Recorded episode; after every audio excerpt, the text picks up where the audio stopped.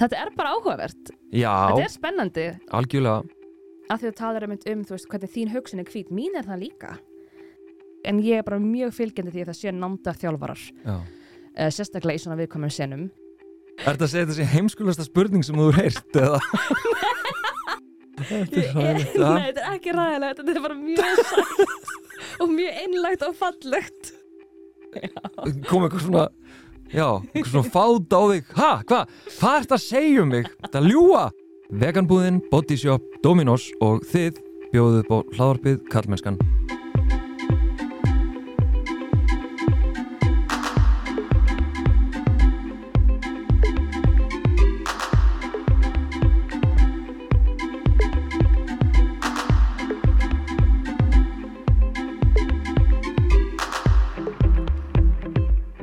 Ef þér líkar þetta hlaðar þá hviti ég til að reyta það á Spotify að podcast appinu og svo er alltaf gaman að fá takk í story á Instagram.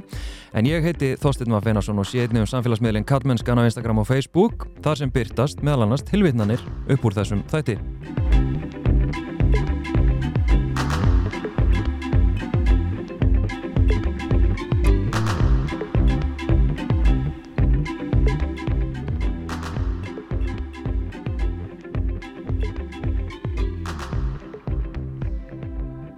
Vegan aktivistinn Aldís Amma Hamilton er leikona og handrits höfundur sem meðal annars leik aðalhutverkið og skrifaði þættina Svörtu Sandar. Þá leik Aldís Amma einnig stórt hlutverk í Netflix seríunum Katla og Brot eða The Valhalla Murders. Aldís Amma er mætt í stúdíóðu velkomin. Takk fyrir ég sá svipinaður hérna út undan mér þegar ég sagði vegan aktivistin, er það ekki réttið það? Þú veist, ég veit ekki, ég hef aldrei hugsað um mig þannig en ef að aðri hugsa mig þannig þá er það fyrir cool sko. En þú ert alveg, þú ert alveg brútal í vegan? um, Ég veit það ekki, þú veist, ég vil meina ekki allt sem ég nota er vegan, þú veist, ég ég, það er hunangi einhverju kremi held ég sem ég á einhverjum varlit Já, ég meina, en svona, jú, jú, jú, ég versla yngöngu vegan og Já. ég reyni og svona eiginlega allt sem ég kaupi mér núna er alltaf vegan, ég held að ég, já, það get ég alveg sagt bara fullir vissu, þannig að ég Mm. svona ég er að gera allt í kringum mig vegan en ég er samt ekki heldur bara að henda öll út nei, nei, nei, nei, ég meina sama með mig, ég, Já. hérna, ég er hérna skammaðist mín sko, hérna, svona til að byrja með geðvegt fyrir það að því ég átti einhverja svona leður spari sko, innmitt, en hérna, en síðan eftir að maður svona átta sér betur og betur á bara um hvað snýst veganismi, mm þú veist, hver er hugssjónin og, og þú veist, þessi lífstefna, að þá meikar ekkert sens fyrir mig að, að hérna, vera með einhverja síndarmennsku og, og hérna, skilur, og, afneita hvaðan ég er að koma. Nei. þannig að mér finnst já, mér finnst mér finnst ég ekki vera að minna vegan þó að ég noti áfram leðurskona sem að ég á að því að mér finnst það bara óumhverjusvænt og, og alveg einhverju óhóflegri neyslu að ég færi bara að henda öllu sem ég hef átt í mörg ár. Ok, ég er, alveg, ég er nefnilega alveg þar líka sko, Já, en svona síðan veit ég að fólk er bara ókslega, að er, veganismi er róf. Já, já, já, þannig að ég fæ alltaf svona eitthvað ógvöðust, ef ég titla mig sem vegan aktivista er það einhver frá að koma bara, excuse you þú ert ennþá hérna eitthvað, en ok, ef þú titla mig sem vegan aktivista, I'll take it. Ég meina, það er mín upplifun að þið sko. Og hérna, þú veist, ég er ofta að sjá þig eitthvað staðar, hérna, brálaða sko í tengt veganaktivismannum sko Já, og ég vil líka svo sem það, ég ætla alveg að þú veist, viðurkenna það að ég er mjög duglega að tala um veganisma bara svona Mhm. almennt, þú veist, Mhm. án þess að vera held ég eitthvað svona á einhverjum öskurnótum eða einhver svona, þú veist, maður verður reyður en mér finnst ég hafa náð til miklu fleira fólks í kringum mig með því að einmitt eiga bara í svona uppbyggjulegum samræðum og, mm og einmitt svona lead by example svolítið Já, algjörlega, af því að, þú veist, ég hef líka bara heyrt og séð fólk sem að, hérna, er sannlega vegan, en hérna er í einhverju svona kreðsum þar sem það þorir ekki að tala upp átt um það. Já, já, já, einmitt. Og ég hef, alveg, ég hef alveg fundið að, þú veist, ég hef alveg verið í aðstæðum þar sem að einhver spyr kannski, þú veist, af hverju ég sé vegan. Og þá það er alveg erfitt að segja við fólk svona, já, þú veist, ég er vegan fyrir dýrin að því held ég hef aldrei hitt neitt sem að færa eitthvað svona tengi ekki við það að vilja ekki með dýr, eða þú Mm. veist þannig að það, mér finnst það eins og það býr einhvern veginn alltaf til smá svona skömm hjá viðkomandi og maður vill það náttúrulega ekki. Nei, nei, þannig að það er alveg stundir sem maður, þú veist, einmitt, er í svona einhverjum aðstæðum sem maður svona bara ah, hvað veist, bara ég vil ekki sinni, taka fram að ég vegan engunga því ég vil ekki búa til, ég bara nenn ekki þú veist, já, æ, já, ég einhvern veginn er alltaf, já, æ, ég er borða miklu meira grænmeti núna, maður bara eitthvað svona, æ, ég nenn ekki þessi dag. þú veist, og Já. þá fyrir maður sjálfur í einhverja meðvirkni eitthvað, já, auðvitað, það er líka bara æði og þú veist, þannig stundum maður þóra maður ekki að segja þetta, sko Nei, nei, nei, nei, nei.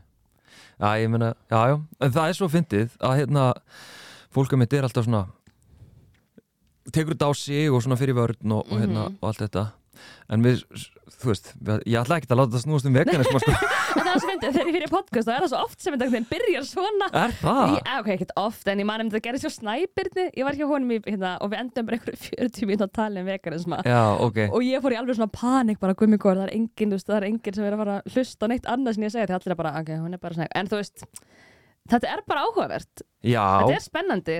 Algjörlega. Og hérna, en hérna, já, það var alveg bara svipurðin, sko, hérna kom eitthvað svona já, eitthvað svona fát á þig. Ha, hvað, hvað ert að segja um mig? Þetta ljúa nei, nei, en hérna, já, mér langaði sko að því að ég var að googla, mér var svo áhugavert að hérna, þú, ég held að þetta hafi bransasögur hjá Íslandsbanka. Mm. uh, og þá er þetta að tala um sko að við þurfum, hérna, alls konar fyrirmyndir og hérna, brjótumstæðalmyndir og. Og þú talar um, hérna, þú veist, þegar þú sagðir svona alls konar störf og þá fáum við myndir í hausinn. Já, akkurat. Að hérna, en sko og ég var að hugsa, ég meina þú ert, þú ert brúna hörund mm leikona uh, þú reyndar hefur talað um að það var ekki eitthvað sem þú sást fyrir þér. Þú veist, þú ætlaðir þér ekki að vera leikona þú vildi vera söngkona, eitthvað svona. Já. En hérna uh, held, heldur að, að skortur á ef að segja, fordæmum og fyrirmyndum hafi eitthvað litað svona þessar hugmyndiðinar ó, um, meinir þá ég hafi ekki viljað vera leikona sjálf? Já, þú veist, þú hafur ekkert endilega verið að mátaði við það því að, þú veist, ég myndi mér að þú hafur ælust uppið, þetta voru bara hvítar leikonur og Sust, það er alveg máli ég, ég á bara óslega erfitt með að hugsa yfir höfuð hvort ég sé með einhverjar fyrirmyndir eða svo veist, einhvern veginn, það hefur aldrei verið svona mikill partur af minni sjálfsmynd að speikla mig í öðru fólki eða þannig, ég veit ekki alveg Mm. Þannig að þú veist ég held, ég held hreinlega ástand fyrir því ég til dæmis var ekki að eldast við að verða leikari er bara því að veist, minn mín ástriða var svo mikil í því að syngja og dansa og er ennþá. Og just, eflaust ef ég hefði haft bilan áhuga á kvikmyndu gerð þá hefði ég örgulega bara vilja vera leikona óháð því hvað var í gangi eða, sko, eða hverju voru svona um, hvað segir mann að halda á þeim torch eða þannig kindli, kindli, Já, kyndli. Hva, hvaða kindilberar voru í þeirri, í þeirri stjætt ah, já, já, já. Þannig ég held að hafi freka verið það því að ég, veist, ég er ekki heldur beint, veist, jú, Beyoncé vissulega, en þú veist svona heilt yfir er ég ekki með einhverjar margar fyrirmyndir í söng og dansi heldur, ég bara vissi að þetta var það sem ég elskaði að gera, Mm leið vel þegar ég var að gera Mhm. og hugsaði með mér, þú veist, ok, það er alltaf bara geggja að ég get gert það að starfinu mínu, -hmm. síðan veginn gæti það bara ekki. Akkur ekki? Um, bæði að því að ég hefði, þú veist, allavega þegar ég var svona að skoða, þú veist, hvað ég ætla að gera í framtíðinu minna, þá hefði ég bara, þú veist, að leggja harðar að mér, þú veist, þetta er bara þannig, þú, Mm. þú verður ekkert dansari bara á því einhvern veginn að, þú veist, hafa dansa sem batn og vera sín í tíu ára pásu eða fimm, fimm ára pásu og þú veist, og aldrei að tegja að gera neitt, þú veist, ég bara var algjörlega dottir úr, hérna, æfingu og formi. Og sama með söngin, þú veist, ég, fólk náttúrulega fæðist með mis, bara svona mikla kannski, hvað mann segja, bara tó, mis mikil tóneira eða söng hérna rödda styrka hvað, en ef þú æfir þig ekki og færði ekki einhverja leiðsögn, þá er, þá er hæpið að þú náir miklum árangri. Já, og ég var bara svo upptíkin að gera annað þegar ég var átti að vera að æfa mig meira sko. ég var bara eitthvað að tjama þannig ég svona ég einhvern veginn hugsaði með mér að það væri erfitt að fara að byrja 20 og hvað var ég, 22 ára þegar ég fer að sækja mér allá í þannig að ég fann svona að það væri erfitt fyrir mann að fara núna einhvern veginn að byggja upp veist, söng og dansferil fyrir utan hvað er ógeðslega erfitt á Íslandi mm. og bara ekki það í að gera eitthvað lítið að segja svo auðvelt að vera leikar á Íslandi en þú veist, mér leið svo eins og með þá styrkleika sem ég hafði þá hafði ég kannski meira efnaði að vera leikari og þegar að síðan ég hugmynd var svona kasta fyrir fram mig að prófa að sækja um í skólanum þá var það bara, já, ég menna, þarna er söngur þarna er dans þú veist, ég verð kannski ekki á Super Bowl sviðinu en ég samt fæ alveg að uppfylla ákveðnar svona þarfir og veist, að leika er ekkert sem ég hef neitt á móti þannig að ef ég, ef ég geta, þá ætlum ég að gera. Mm -hmm. og. Ég hérna las ekki störa að þú hefði semst verið flugfreyja mm uh, meðfram hérna, leiklistinni til að byrja með Já. En hvaða, hvaða moment er það þar sem að þú svona, ok, ég ætla bara að fara ég, ég er leikari, ég ætla að vera hérna 100-200 leikari og fara bara all in í þetta. Hvaða moment var það? Já, um, það kannski muna ekki margir eftir því, en það kom samt heimsfaraldur. Uh, Ah, fyrir tveimur árum. Og það var bara er þetta að segja þessi heimskulasta spurning sem þú er heyrt eða? nei, nei, alls ekki, það er engar heimskulega spurningar. Ó, ég skammast mér smá núna sann Nei, æ, það er ekki að gera að því að, að, því að, að, því að það, sko, þetta er, það er það var vissilega, þú veist, COVID, mér var bara sagt upp sko, Já, já, já. um, en ég er með heimildir Þetta er. Nei, þetta er ekki ræðilegt, þetta er bara mjög sætt og mjög einlægt og fallegt og hérna ég er með heimildir sem er ekki falsaðar að ég skrifaði í dagbókinu mína um, 1. janúar 2020 að á þessu ári myndi ég hætta að fljúa sem flugfrega og gefa leiklistinni síðan þannig að þú bara sást í Ah, gegnum mig Já, takk fyrir Það að bjarga mér Það- Og hvað var þá til þess að þú skrifaði það? Um, það var eflaust, hvað var ég búin að gera? Ég held að þessum tíma var ég búin að klára brot allavega og þú veist, mér leið svona eins og það væri einhver undiraldi í gangi hjá mér, þú veist, og mér bara svona, já, mér var, mér var alveg að ganga veist, ég hefði með herkjum örgulega geta svona komist af um, ánflugsins þannig að þetta var eiginlega bara, þú veist, þú verður að, þú veist, st taka stökkið, þetta var eiginlega bara held ég svolítið svo pæling og ég ætlaði að klára sumarið og þá hugsaði með mér, ok, þú veist, þá ætlum ég líka bara að vera svolítið svona meðvituð um, þú veist, að sapna mér og hérna vinna mér svolítið í hæginn, þú veist, vera bara komið svona svona öruglega fjárhástöðu, hafa svolítið sjóð og bara, þú veist, reynir besta. Við vorum alltaf að skrifa svörtusanda líka og Mm. ég, þú veist, ég er alveg þannig bara, að, veist, að, ef að bleki er ekki þorna þá, þá tek ég ekki marka já, En ég var samt mjög vongóð að við myndum fara í tökur og þú veist, og það myndi alveg, alveg vera að skapast tækifæri svona næstu árin mm og síðan náttúrulega bara þú veist, COVID í rauninni eiginlega bjargaði þú veist allavega bjóð til tækifæri til þess fyrir mig til að vera í köllu af því að ég bara viðkenna núna. Þegar ég fæ símtala að ég fá hlutverkið þá sem sagt var ég spurð bara, þú veist, ertu viss um að þú getur þetta með frá fluginu? Og ég bara, já, já, já, ég læt að virka. Eftir á að hyggja þetta hefði aldrei gengið. Mm. og það hefði geta verið örgulega bara, þú veist, ég veit ekki, það hefði kannski verið einhver slæmar afleggingar ef ég hefði, þú veist, að lokum bara ekki, þú veist, hefði ekki geta mætt á sett eða, þú veist, hefði ekki mætt í flug ég, veit, ég, ég veit, þarf ekki eins og hugsa því hvað gerist, því það gerist ekki. Nei, nei. en það var líka, þú veist, þegar að Katla var búin og ég bara sá, ok, það var það intense og það margir tökudar og hvað og eina.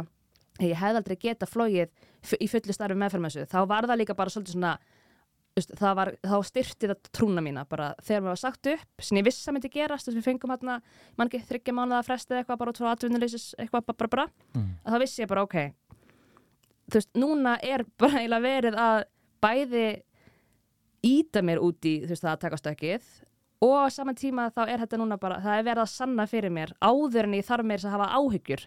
Þetta verður allt í lagi. Mm. þannig að ég, ég er búin að segja að ég hafi sótt um flugið og ég gerði það núna. En ég tók bara núna fyrir nokkrum dögum ákvörðun að ég ætla ekki aftur.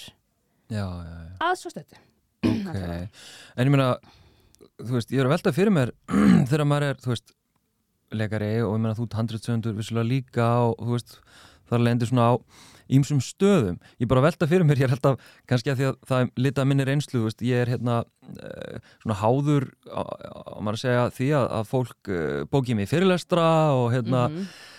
sem er náttúrulega ábúrslega lítill fyrirsjánleiki veist, ég veit ekkit hvað einhverjum hérna, einhverju fyrirtækjum í bæ dettur í huga að gera í apríl eða mæ, Nei. þú veist ég hef ekki hugmynd um það, það sé ófyrirsjánleiki veist, er það ekki bara pínu sambarlegt að, vera leikari? Að þú, þú veist ekkit endilega hvernig þú mynd fá borgað hérna fyrsta desember til dæmis, eða hvað? Sko, ert í föstum giggum eða eitthvað þannig?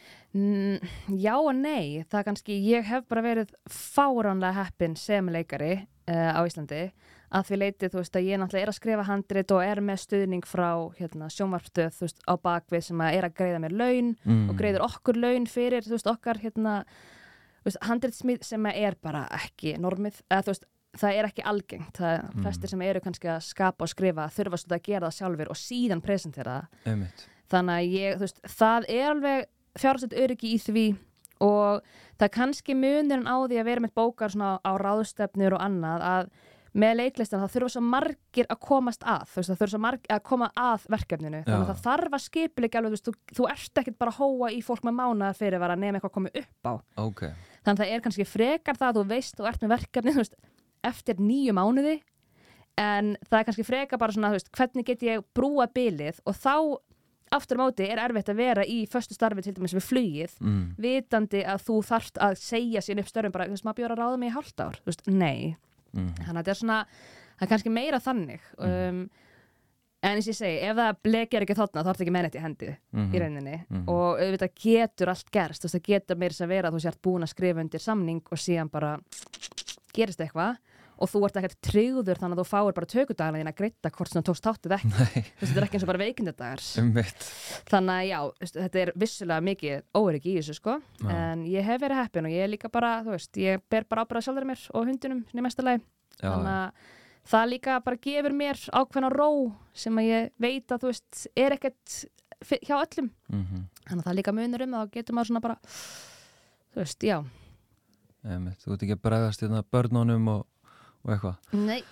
Nei, nei, einmitt En hérna, mér finnst líka áhverð sem ég hjó eftir að ég var svona, þú veist, aðeins að googla þig og svona hvað hefur verið að tala um og hvað hefur verið að segja og allt þetta Mhm. þá talar um að hérna eins og ég skildi það sko að framinn þinn uh, væri bara í þínum höndum Mhm. þú veist, þetta væri bara uh, þú veist, bara spurning um að kýla á þetta og hérna, Hvenær saði ég það? ég held þetta hafi verið bransasum að hérna, Ah, já, veist, já, já. og ég tólkaði sem svo að hindranirnar væru í rauninni engar og hér er ég sannlega að brúa yfir í hérna bæði það, ég meina þú veist, þú veist kona í þessu samfélagi og svo ertu brún og hörund Mhm. þú veist, um, hefur þú aldrei upplifað ef að segja að kyn þitt sé kyn og, hérna, og húðlitur þinn sé húðlitur og, og framvegis Jú, og ég vil bara, guð minn góður, sko, ég held að þetta var ekki, þetta var, þetta var öruglega ekki alveg myndi. ok, Í þessum ok, brandasögum. kannski er ég afbak eitthvað Nei, nei, það getur líka bara verið, ég segi oft hluti sem eftir að ég bara, eitthvað, ha, tólka er það þannig, þú veist, ég er alveg, gerast, gera annara. ég gerir þetta eiginlega alltaf, ég, ok, sorry hérna, ég er alveg mjög seg um það að sérstaklega ef ég er í miklu, búin að fá mikið koffín, að þá bara æli ég úr mér orðum sem ég oft eftir að vakna bara þunn og bara, ó, nei. ah, um, það sem ég meinti var kannski að til dæmis í tilfelli svörtusanda að þá sá ég tækifæri sem að þú veist, var í rauninni ekki kannski beint í bóði, eða þú veist, mér var ekki bóðið að hérna, vera partur af þessu, þessum heimi sem að Ragnar var þá að skapa og það bara algjörlega á sitt einstæmi, eða, já, sjálfur Mhm. En ég sá tækifæri í því til þess að breyta um kynið á viðkomandi.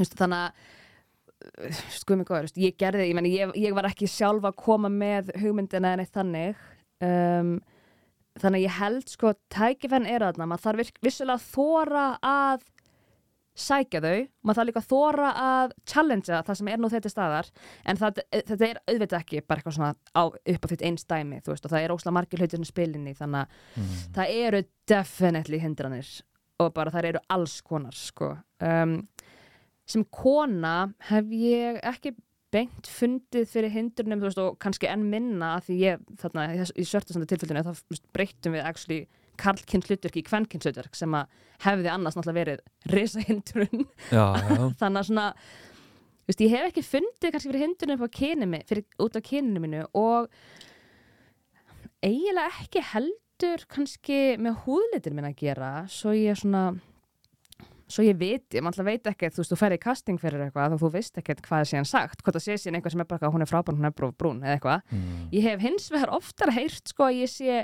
of ungleg fyrir eitthvað eða of gömul fyrir eitthvað með of djúpa rödd fyrir eitthvað og bara svona, svona alls konar svona hluti sem að veist, ég held að eigi bara jaft við um alla og En hvernig er það að hérna, þú veist, að leggja sig einhvern veginn á borðið, sækjast eftir einhverju, hér er ég, sjáuði mig, ég er góð, neða, þú ert bara aðeins of gömur. það er alveg það er alveg kannski með kyn að gera þá er það kannski helst það sem ég hugsa að veist, mér finnst eins og konur fái og þetta er bara sanna, þú veist, konur fá færri tækifæri eftir því sem eldast mm. og það er kannski helst það sem ég hugsa út frá kyninu mínu að bara, ok, fuck, er ég, veist, er ég farin að nálgast þau hlutverk sem eru yfirleitt auka hlutverkin, skilur, eða fattur, vill einhver horfa á mig verand orðin, guð minn góður, 30 ára, skilur, get ég verið í aðal hlutverk einhver, nennir því einhver? Það, það er náttúrulega mjög svona áberandi í bandiríkunum Mm. það eru bara, þú veist, ungir leikarar og sérstaklega ungar konur, það bara undir þrítut helst, eru þær sem eru, þú veist, up and coming og svona breakthrough og eru að fá mestu tækifærin, þú veist, þær sem eru svona hafa náða að stablisa sig ungar, þú veist, ef við hugsaum Jennifer Lawrence og um, Scarlett Johansson og þær sem eru ennþá að leika núna komnir við þrítut, þar eru samt yfirleitt konur sem hafa náð að komast inn bara í kringum 20 og eitthvað ára. Við erum að tala um að skurðpunkturinn við það út ára nú gömul sér þrítugt Ég veit það ekki, en það er, það er einhver skurðpunktur, finnst manni. Ok Mér finnst það og mér finnst eins og að sé einhver svona skurðpunktur hvenar þú getur verið, skiluru, rísandi stjarnar eða ný, skiluru. Það er kannski það sem mér finnst svona óþægileg tilhugsun, þú veist, mm. að ég hugsa með mér, ok, þú veist, er, hefur fólk áhuga á að sjá, þú veist, konur í aðluturgum og svona allavega, þú veist, sagan verið segja að það er allavega haldallir að það sé minni áhugi og það er núna verið að svona, eitthvað, jú, það er fullt af áhuga, þú veist, sjáu bara Wonder Woman, sjáu bara, þú veist, alla þessar stjörnur, Marvel stjörnunar og allt þetta. En á sama tíma hugsa ég, þú veist, ok, en er þá komið ný kriterja sem er að það þurfa samt að vera ungar? Og mér finnst eins og ég er ekki búin að einhvern veginn bara ná að hugsa það nóg mikið eða sapna göggunum sjálf Mm. en svona þegar ég hugsa sjálf bara hverjir eru, hvað stjörnur eru heitar núna og þá horfi ég oft til bandaríkjana þegar við erum bara slutið samfélag það er erfitt einhvern veginn að hugsa um það öðruvísi en bara svona Ísland þar sem að veist, bara reglundur eru öðruvísi hér en ég horfi mikið til bandaríkjana þegar mig langar að brjótast inn á veist, stærsta markaðin í heimi ég Mm. bara lík því ekkert og skammast mér ekkert fyrir það Mm. en þá er það, þú veist þá er alveg under 30, þú veist, það er alveg a thing. Mm. þú veist, þannig að ég er svona kannski mest það sem ég hugsa út frá bara kynunum mínu að mér finnst eins og þú veist ég er alveg á síðasta sjansurum að virkilega ná að brjótast í gegn. Mm. Hvað ertu gömul? ég er 30 ára, Þú ert þrítug já. Ymmit og það var alveg erfitt fyrst mér að vera 30 ég veit ekki hvernig það er, ég hef alveg verið að tala um þetta við fólk og þú veist, mér finnst alveg sumir eru bara, já það er ekkert mál en síðan heyri ég líka aðra sem bara, ég fari í krísu. Og jáft konur og karla, sko mm. Æ, ég veit ekki af hverju 30 ára er eitthvað svona já, hvernig er þið þér með þetta? Já, já, varandi þetta Já Ég veit þú ert eldri en ég, þannig ég veit ert orðin 30 Já, ég, já, ég er alveg að vera 37 ára mm -hmm. Já, áttu þá við hvernig ég horfi á, á, á leikara eða leikonur Nei, eða... bara þú sem manneska, hvernig leið þér verandi karlmaður í bara just, íslensku samfélagi, veist, fannst þér einhverjar kröfunar vera öðruvísi eða fannst þú fyrir einhverjum kvíð eða ótt eða fannst þér eitthvað breytast þegar þú varst 30 ára?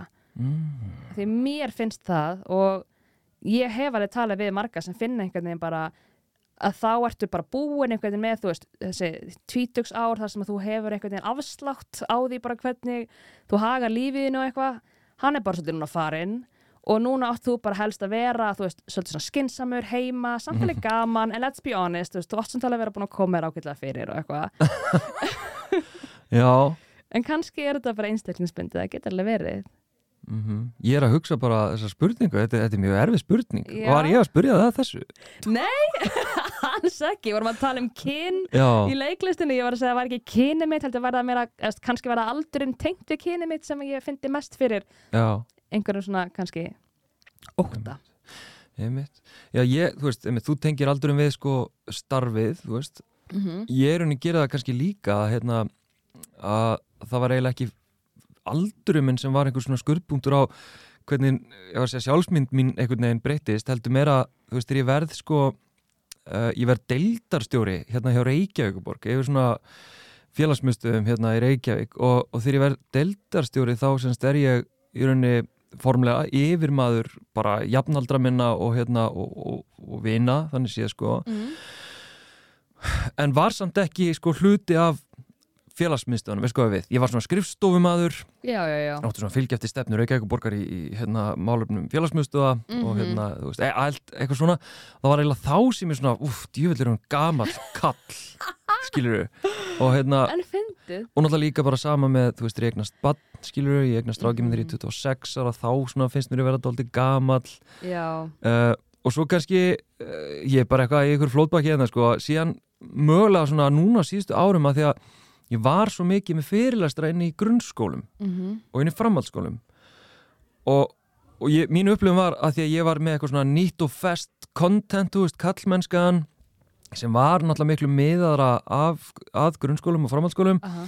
en þróaðist mjög hratt í að vera meira kannski fyrir 20 plus, þú veist, bara fullur fólk og tala við kalla og allt þetta og ég með hlaðvarpið er náttúrulega miklu svona fullorins miðaðra Mhm. að þegar ég núna farin í framhaldsskóla og grunnskóla þá líður mér svona eins og eins og ég sé einhvern veginn Þorgrymmi Þráins og þetta búin að vera vera henni í 30 ára alltaf að heimsækja Oh. God, Já, ég hugsa út í þetta sko og ég, mér finnst eins og bara mér finnst eins og þetta sé aldrei samtöl sem maður á við, nei, bara svona hvernig líður þér í aldrinu þínum? Nei, og kannski eigum við ekki að gera það en þú veist, mér finnst það líka bara gott að geta alltaf að spegla mig í fólki, þú veist, hvernig líður með þér með þessa hluti og hvernig líður þér með þessa hluti. Að því að, þú veist, ég gerir stundum lítið úr sjálfur mér að því ég er greinlega með aldursfordama mm. og þegar fólk kannski segir er eitthvað svona hampa mér fyrir hverju ég hef áorkað. Og ég er bara, ég er 30 ára. Ég hætti að vera búin að áorka og nákvæmlega þessu og eiginlega meiru sko. Let's be honest, þú viljum ekkert að rósa mér fyrir að hafa gert þetta og þetta því að, ég meina, come on, það er ekki eins og sé eitthvað unglam lengur, þannig líður mér. Mm. og er bara með einhverja svipa á bakinu og þetta er svona eitthvað sem ég er að reyna að slappa tökur á, það tengist ekki neini þetta fór bara allt í einhvern veginn í einhver Já. svona aldurspælingar, sko. En það eru náttúrulega mjög áþrifanlegar í leiklistinni. Einmitt En ég meina það er líka, sko ég veldi því fyrir mér af hverju þetta skiptir máli, af hverju þetta er þeng, af hverju þú veist, þú upplifir þetta. Það hlýtur að tengjast sko því hvað eru margir kallar sem eru að stjórna, það hlýtur þú veist, þetta gaze hérna, já, já, skilurðu? já. ég meina, í manni kynjafræðinu við fórum yfir þetta að bara, þú veist, leikstjórar hérna, framleiðendur, eitthvað það var eitthvað 95% þetta var í bandaríkjunum með Evrópu, ég man ekki hvað var þetta var bara eitthvað absúrt hlutfall Mhm. uh, sem þá hlýtur að þýða að konur þurfa að aðlaga sig að já, ég var að segja ferraveldinu Það var kalla henda einu feðraveldi í þetta podcast eða? það ekki Jú, síðan er svo erfitt að sko, finna fyrir því síðan er maður náttúrulega bara alveg upp og just, andar þessu lofti, þessu samfélagslega lofti að sér. Þannig að það er óslega erfitt að vita bara einmitt, just, hvað er það sem lætur mér líða svona? Just, er það einmitt þetta, bara það að skilabón hafa bara verið undir borðið bara já, passaði nú samt að vera ekki gömul þú veist, og, og hérna og þú veist, fólk missir áhugan á konum sem eru eitthvað svona svona og þá myndi ekki fá nóg mikið að vinna og þá myndi ekki hlusta hvað þau hefur að segja og allt það sem er svo ósengjanda því að hver hefur nokkurt skapan hlutur önverulega að segja í kringum tvítugt? Þú veist, sem að make sense það er alveg fullt af fólki en ég skil ert að menna ég held að veit að ég hafði það ekki. Nei, nei, ekki Eh, heldur Nei, þú veist, ég var ennþá bara eitthvað svona sirkja það að geta ekki borða bacon þegar ég var 23 ára sko. þannig að þú veist, ég myndi bara aldrei vilja að einhver hefði áhuga á þeirri konu. Mm. að þú veist, að hlusta á hennar hérna um, hvað segir maður, bara svona lífsskoðanir. Uh, um, því að þegar maður er eldri þá bara þá, þú veist, bara, ó, maður er fann að hljóma eins og allt eldra fólk, þá hefur maður svo miklu að miðla og það er svo frústirrænt að hugsa og vera hrættur eins og ég er vera hrættur um að, að því ég er orðið 30 ára, þá er enginn að hlusta á mig. En veist, núna hef ég eitthvað sem ég, ég raunverulega hef trú á að er rétt sem ég er að segja einhvern veginn Já, náttúrulega reynslu heimurinn mann stækkar og hérna og svona dýftin einhvern veginn og skilningurinn kannski á sjálfum okkur og samfélaginu Já, og öryggið og þú veist Já. sem leikari þá bara veit ég að veist, eftir því sem ég eldist þá bara sit ég betur í sjálfur og verð betur leikari Mhm. og ég dáist að þú veist, þegar ég sé unga leikara sem er alveg brilljant þá er ég bara, wow, þú veist, hó má, má blóta Já, má allt ok, veist, eða það, ég það þess ekki lengur það að þetta farið þegar hérna, þá fæ ég svona, þú veist, það grínast hvað, hvað þetta er bara það er einhver dýft eða einhver svona, einhver, það er einhver, eitthvað akkeri innra með fólki að því að þú getur ekki verið góðu leikari nema þú sitir einhvern veginn vel í sjálfum þér, trúi ég mm. um, og ég er ekki að segja að ég sitji alltaf vel í sjálfum mér, þú veist, þannig að enda er ég bara alls ekki alltaf góð, þú veist, ég horfa sjálfum mér bara, uh, Mm. um, ég veit aldrei hvað, akkur við erum alltaf komin á hérna, já, vorum að tala um hvernig, hvort að færaveldið sé að spila eitthvað inn í þetta. Alveg definitely. Um, já. Ég veit ekki hvort þetta tengist sko endilega samt svona kynferðslegu eða þannig. Um, ég held að það sé ég veit ekki, ég held að það, það er kannski erfæð, ég veit og finna ég með aldursforduma hvaðan þeir koma er hægt að kenna veist, bara feðraveldunum eða er þetta bara við sem samfélag líka veist, já, og ég meina við sem samfélag erum lituð af öllu ferðaveldur þannig að þetta er svona einhvern veginn já, þetta er svona, einmitt, við náttúrulega erum öll í þessu ferraveldi samfélagi Mhm. hérna, og, og á þess að ætla hvað farið í skilgrinningar á ferraveldi en, en það náttúrulega leiðir af sér að hérna, oft eru kallar í svona gateway stöðum, veist, eru með einhvern veginn völdin á þeirra fósundum og, og hérna Já, konur til dæmis, þurfið dálítið svona aðlega sig að því valdi. Og ég Mhm. mynda mér það sem að valda misramið er svona augljóst eins og bara í, í þínum bransa hvort að það séu einmitt eins og þú lýsir, það eru hérna ákveðna aldurskröfur, það eru útlitskröfur þú veist, og jafnvel eitthvað fleira. Sko, ég vil reyndar taka það fram að ég held á Íslandi þá erum við í svo ótrúlega mikill sérstöðu verandi þetta lilla samfélag að svona, þú veist news travels fast. Þannig að um leið og það er, þú veist, me too er komið á fullt einhvern veginn er bara það bara er svo, það, breytingin verður svo ör og hún gerist svo hratt. Já, já, og ég til dæmis útskrifast 2016 þannig að ég útskrifast bara eiginlega þú veist, rétt fyrir MeToo-bylgjuna. Og ég er ekkert viss um að ég hafi fengið að sko, upplifa það sama og til dæmis kannski forverar mínir, eða forverur mínar mm. að það var um, í þessum bransa að því leiti að því að, þú veist, jújú, jú, ég hef alveg verið sögð vera of ung eða of gömul og þú veist og það hefur sko til dæmis sem er, þú veist, jákvætt til dæmis er að hérna, ég fekk einhvern tíman allavega mér sagt, ég hef ekki fengið hlutverk á móti kalkinsleikara að því ég var of ungleg eða of ung Já. og það var alveg svona það, það hljómar að því að Mm. það er einhvern veginn ekki normið já, þú veist, normið er að George Clooney sé með 25 ára gammalli konu já, já, í já. kvikmynd, fattur þú hvað ég meina? já, þannig að mér líður svona alveg eins og þegar ég hugsa um það hugsi yfir meir um þetta sam, á samfélagsmiðlum og svona þegar ég vil beita sjálfur mér en ég hef alveg trú á því að ég fái hlutverk af því að það er alltaf að breytast. Og þú veist, við vorum til dæmis ekki að skrifa aðrindu sem 25 ára gamla lauruglukonu og ég bara leika einhvern veginn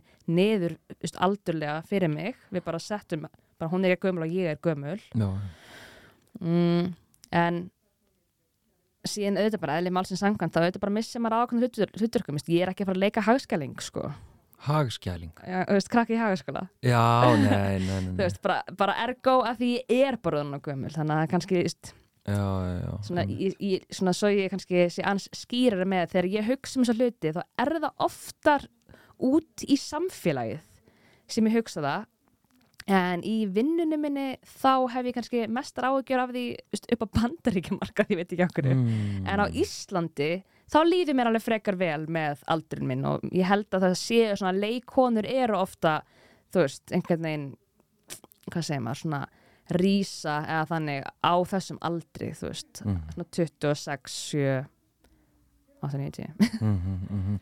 Ég er að hugsa líka, þú veist, ég er að spyrja um, hérna, um mitt kyn þitt og eitthvað svona og þú veist, talar um aldurinn tengslum það mm -hmm. ég líka velta fyrir mér þú veist, í við Black Lives Matter Mhm. og hérna þú veist, bara, þú veist, ég til dæmis fattaði bara, hérna, hvað hva hugsun mín er, er hvít, þú veist, Mhm. hvað ég og, og svona forréttinda fyrringin mín, Mhm. þú veist, og líka bara og ég líka læra bara að horfa á hérna sjálfan mig og samfélagi út frá öllum, öllum sem sjónarhóttnum sem að ég hef aldrei verið krafin um að horfa á út frá, þú veist, Mhm. þá er ég að tala um út frá einmitt aldri e, út frá líkamsvexti Einmitt. holdarfari, föllun kynneigð kynneigð, e, húðlit e, uppruna, veist, það er alls konar e, akkurat það sem ég er að reyna að fara hérna yfir er sko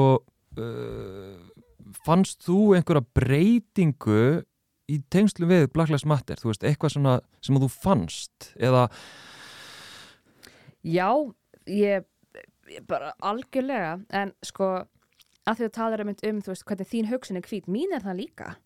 Þú veist, alveg eins og við erum að tala um það að við erum bæði alveg upp og við erum öll alveg upp í sama samfélagi sem að, þú veist, hefur kannski verið hliðholt feðraveldinu, að þá erum við líka öll alveg upp í sama samfélagi sem er hliðholt hvítum af því að það bara, he, veist, Íslendingar voru allir hvítir, skriðu, þannig að Þannig að ég fekk alveg sama, svona ekki kannski alveg sama, en ég fekk alveg sömu upplifum bara hvað minn góður, veist, ég hef ekkert verið, verið eitthvað að leggja mig fram við að skoða sögu þeldökkar eða, þú veist, hérna svartra bandiríkja manna, þannig sé ekkert svona meira en þannig, veist, hver annar, ég er ekki alveg upp að neinu leiti í kringum svart fólk nema, stjúpfæðir vinkunum minnar, eitthvað veist, þannig að ég er ekki með neinar uh, myndi ég segja svona áþreifinlega tengingar inn í hennar menningarheim.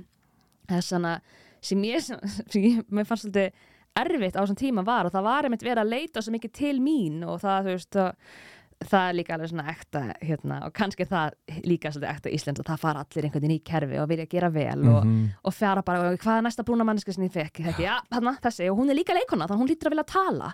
Hún lítur að vilja segja eitthvað. Og það var kannski helsta sem ég fann að ég var bara, ég er ekkert í eitthvað geggjari stöðu til þess heldur, veist, ég er ekki mentuð að neynuleiti í, í þessum málum og sjálf bara er einhvern veginn bara ok, hvað finnst mér um allt og hvað einhvern veginn, þú veist, hvað er að gerast sko, um, þannig ég fann svona það og það var alveg erfitt fyrir mig líka bara að fatta að ég er líka bara múin að sitja, þú veist, að mínum forundirasi og ég er mjög ljós og hörund og það, þú veist, þá til dæmis lærði ég fyrsta sinn um hérna um, light skinned privilege sem er bara eitthvað svona, Mm. já, ok veist, það er náttúrulega veist, uh, dökkur húlutur bara, bara húðlitur yfir höfuð er ekkert bara eins og við tölum um hann, svartan og hvítan veist, það er alltaf bara út af fyrir sig algjört djók, Mhm. af því að við sjáum öll að fólk er miskvítt og það er missvart og það Mhm. er missbrúnt Mhm. og það er alltaf ekkert svart og engin hvítur beint, en veist, þá fór ég til að læra bara, já, ég meina, ég hef komist í gegnum mína æfa á Íslandi bara eiginlega algjörlega aðkastslaus og frekar hitt ef eitthvað, þú veist, fengið jákvæða um, jákvæða styrkingu og einhvers konar jafnvel tækifæri út af því hvað ég einhvern veginn passa vel inn í svona einhver samfélagslega samþyktan að upphefðan lit á mannesku sem er líka geðvett virð Já, að, sko sko, koma að segja, ef að segja aðdraðandan að þessari pælingu spurningu er að ég satt hérna fyrirlastur um daginn hjá, já, hluta fyrirlastur hjá Mirjam og Chanel mm.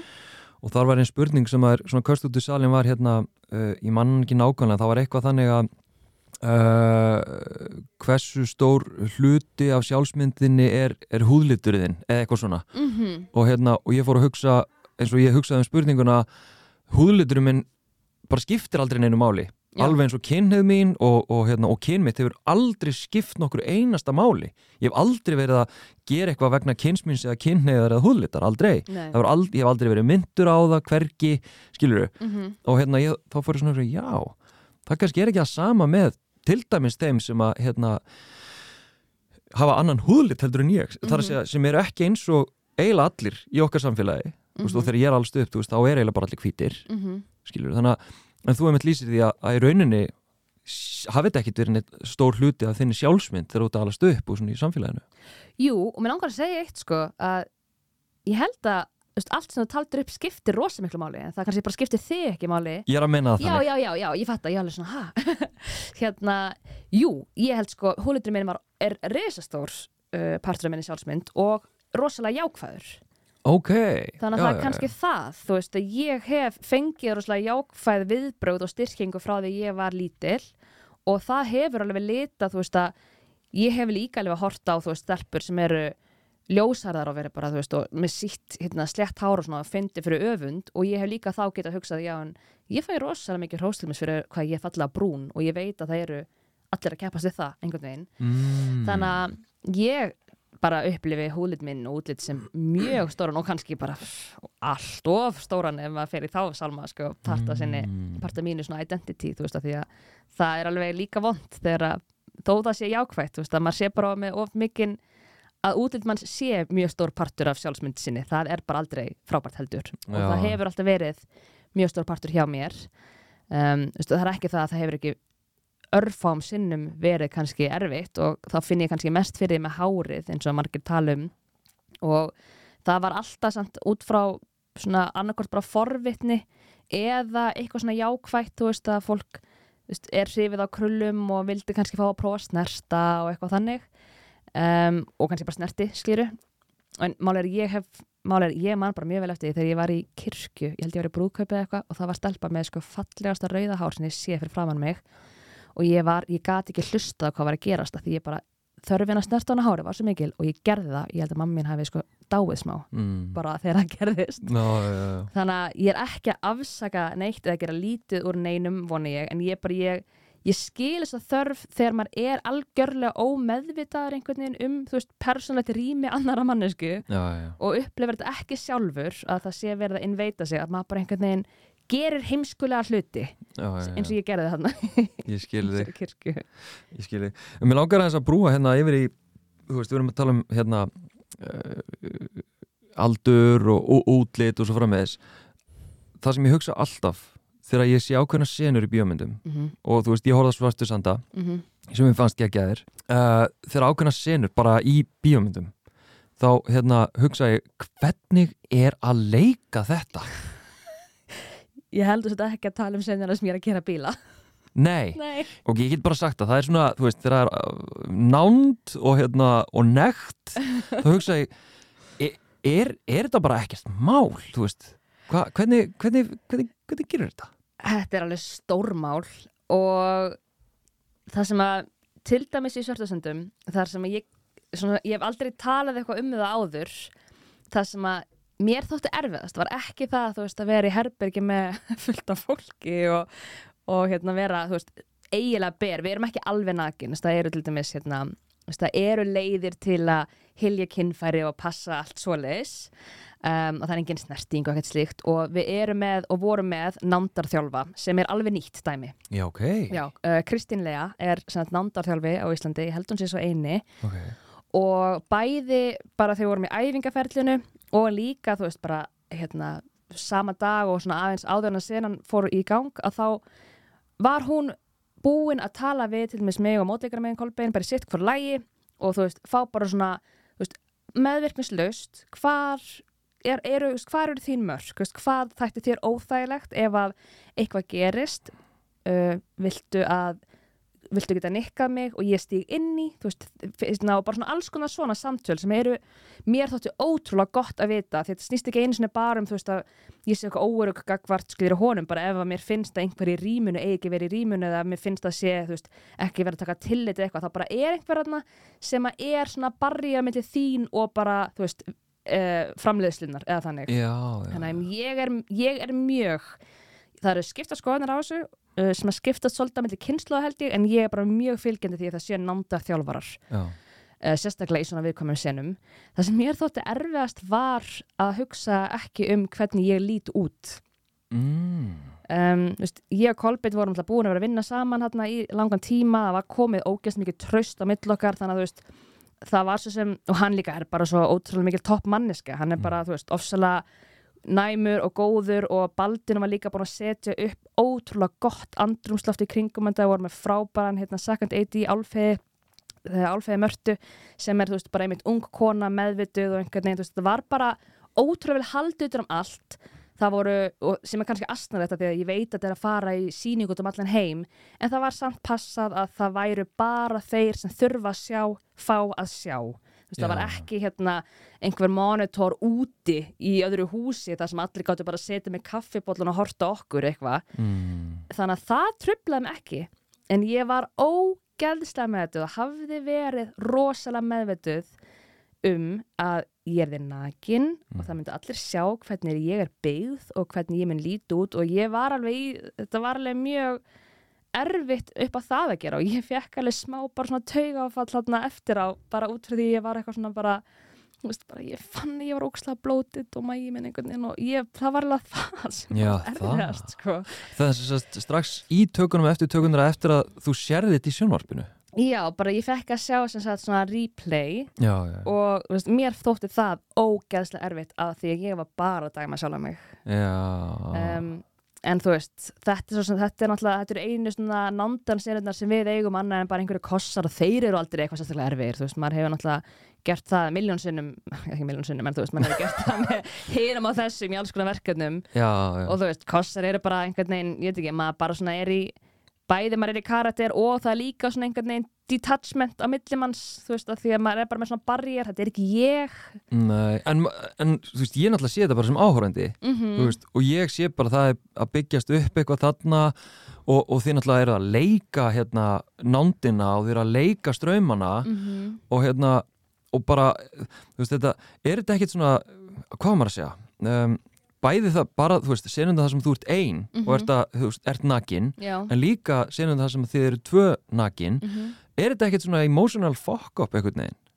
um, meinar þá milli þín og mótleikarans eða þannig, eða hvernig þá? Já, bara líka fyrir því sjálfa einhvern veginn Jú, það er helling fyrir mig sjálfa og ég held bara helst það sko. og það er einmitt eins og ég segi það, það er náttúrulega eitthvað sem er alveg bara 110% eitthvað svona, veist, getum bara tengt inn í feðraveldið og eins og við erum bara að finna fyrir núna allir þú veist, þessari háu kröfu að við séum meira bara accepting af veist, öllum líkamstæðum að gerðum en síðan er það bara þannig að síðan þegar spjótin beinast að manni sjálfum þá er maður miklu dómharðari en maður myndi vera á aðra Mm. og, og síðan núna fer manni mér fer að líða illasundum yfir því að vera dómharð á sjálfa mig því þá hugsa ég, já þú ert það bara með einhver svona fytufórtum á sjálfa þig og þú veist, þá ertu líka fytufórtum á babarbúra einhvern veginn Mhm. Já, en það er mjög flókið en, en ég fæ alveg svona ég, ég fekk aðalega bara óþægnd og áhyggjur hugsandi um að mér fannst ég ekki líta nógu vel út eða vera nógu góð og þú ég veit að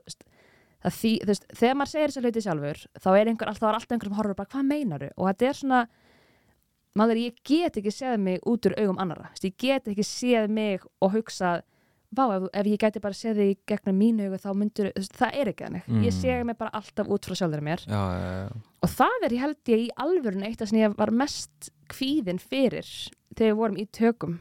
Bara, veist sem er óslega sorglegt og það er tröflandi og það er hindurinn, sko, sem leikari. Um, og ég veit að Karlinn finna líka fyrir þessu. Uh, það er bara miklu minna að tala um það. Og ég veit bara að ég held að miklu fleiri leikarar finna fyrir þessu en við veginn þórum að segja. Þannig að mig langar alveg svolítið ég hef, ég hef alveg vilja að tala um þessa hluti bara pressuna sem maður setur á sjálfan sig. Og einhvern veginn maður treystir því ekki að fólk muni þú veist, samþykja mann nema maður sé í einhvers konar formi og lægi allavega, veist, ég, tala, ég bara minna og ég er að tala út frá sjálfur mér Mhm.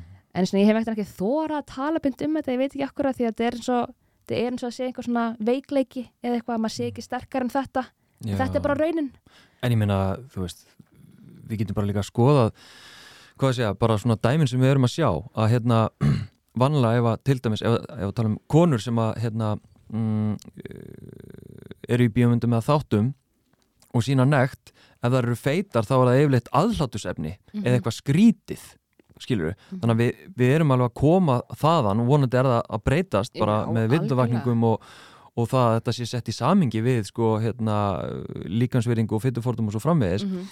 en, en það er náttúrulega alveg þannig að við erum vön því að, að hlæja að feitu fólki, við erum Já. vön því að hlæja að, að fólki sem er ekki vaksið samkvæmt einhverju ákveðnu formi sem erum búin að búa til. Mhm. þannig að mér finnst þetta eiginlega frekar bara, mér þætti eiginlega meira skrítið ef að þú myndir ekki segja mér það sem þú varst að segja mér.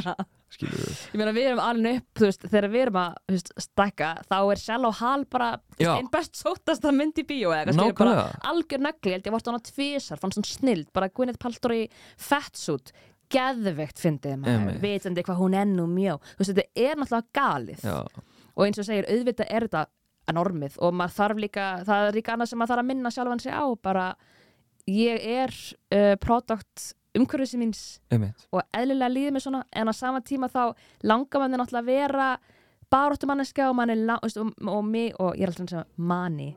Manni langar að vera þú veist, upplugur í þessu og vera fyrirmynd og síðan einhvern veginn er maður sjálfur bara hólminn kominn og þá bara, Já, maður þarf að díla við sig. Já, maður er að díla við sig En, og það var erfast það var ekki nándin eða þú veist, eitthvað neitt af því. Mm. það, var, það ekki einu sinni nektin með einhverjum öðrum það var bara oh my god, ég bara þú veist, misti ég eitthvað svo ofsalega bólgin í það já, einmitt og það er allir að fara að horfa og það eru allir að fara að hugsa er flott hún er svolítið, svolítið skýður sem er bara eitthvað svona what? Já, einmitt Það er grillað maður það er grillað og það er alveg bara mér finnst þetta gott að segja þetta bara upp átt því ég heyri hvað það er grillað þegar ég Já. segja það upp átt Mhm. en í haustum á manni bergmur var þetta eins og heilar sannleikur um, og ég var líka svo heppin veist með þá það var þarna eftir þetta þá skilur ég situr baldin fyrir framar mig bara að hugristu mig eins og engill kolbit visli hliðina mér þeir báðir einhvern veginn bara ha, þú veist, þú ert frábær þú ert, þú ert að leika ótrúlega erfa hlut þú veist,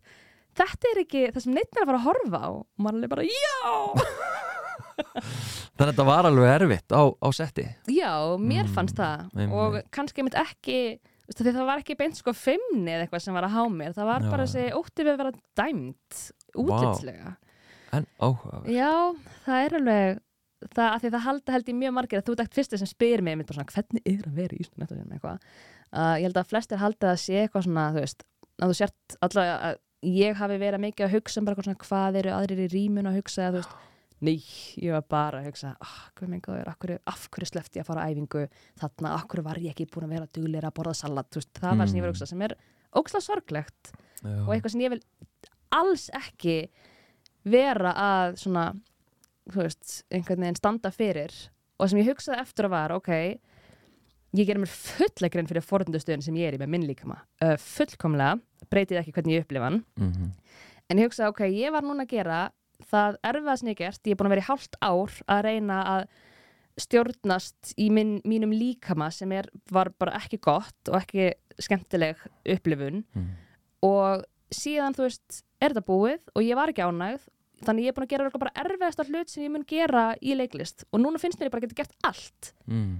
Þannig að þegar sýningur á búnar það var enginn búin að senda mér skilabóð að hérna, ég væri bólgin leikona að þá Mhm. hugsa ég bara, ok, Jesus fucking ég Mm. þannig að svona facing your fears. Já, einmitt. Já, einmitt. Og, og, og, og, vera tilbúin að, að tækla sjálfans ég meina það er náttúrulega eitthvað sem að ég hef þurft að læra og, hérna, Mhm. og er oft óþægilegt verandi karlmaður í, í þærveldi samfélagi sem nýtur allra forðunda ég þarf að vera tilbúin að, þú veist, horfast í augu við mína fordóma, mína innrætingu og axla því ábyrg, sko En þetta er alveg bara það, að því maður er bókstælega að horfa á fordómana sem að maður segist ekki hafa og Mhm. telur sér trú um að hafa ekki og kemst upp með að telur sér trú um það þar til einmitt að einhver kemur með speilun og bara, veist, raunverulega ertu ekki með fordóma, af hverju líður þér þá illa með sjálfa þig Mhm. og það er bara brútal og já, Mhm. mjög erfitt. Þú segir allir vegir færi núna, þú getur allt uh, ok, hvað, hvað uh, ég get flest. já, vel tóna þetta þannig niður. Ég ætla hann bara að fara að tóna samtali niður og hérna já. og fara að setja punktu fyrir aftan það. En hérna, uh, ef við horfum til framtíðar ertu að fara í að fara í flugið eða hvað er, hvað er framundan, hvernig er framtíðin Já, ég sko aldrei segja aldrei, ég lifi svolítið því, þannig að ég gæti alveg farið í flugið einhvern veginn í framtíðinni, en ég ákvað eftir bara mikla umhugsun að fara ekki núna þegar maður bauðst starf mm -hmm.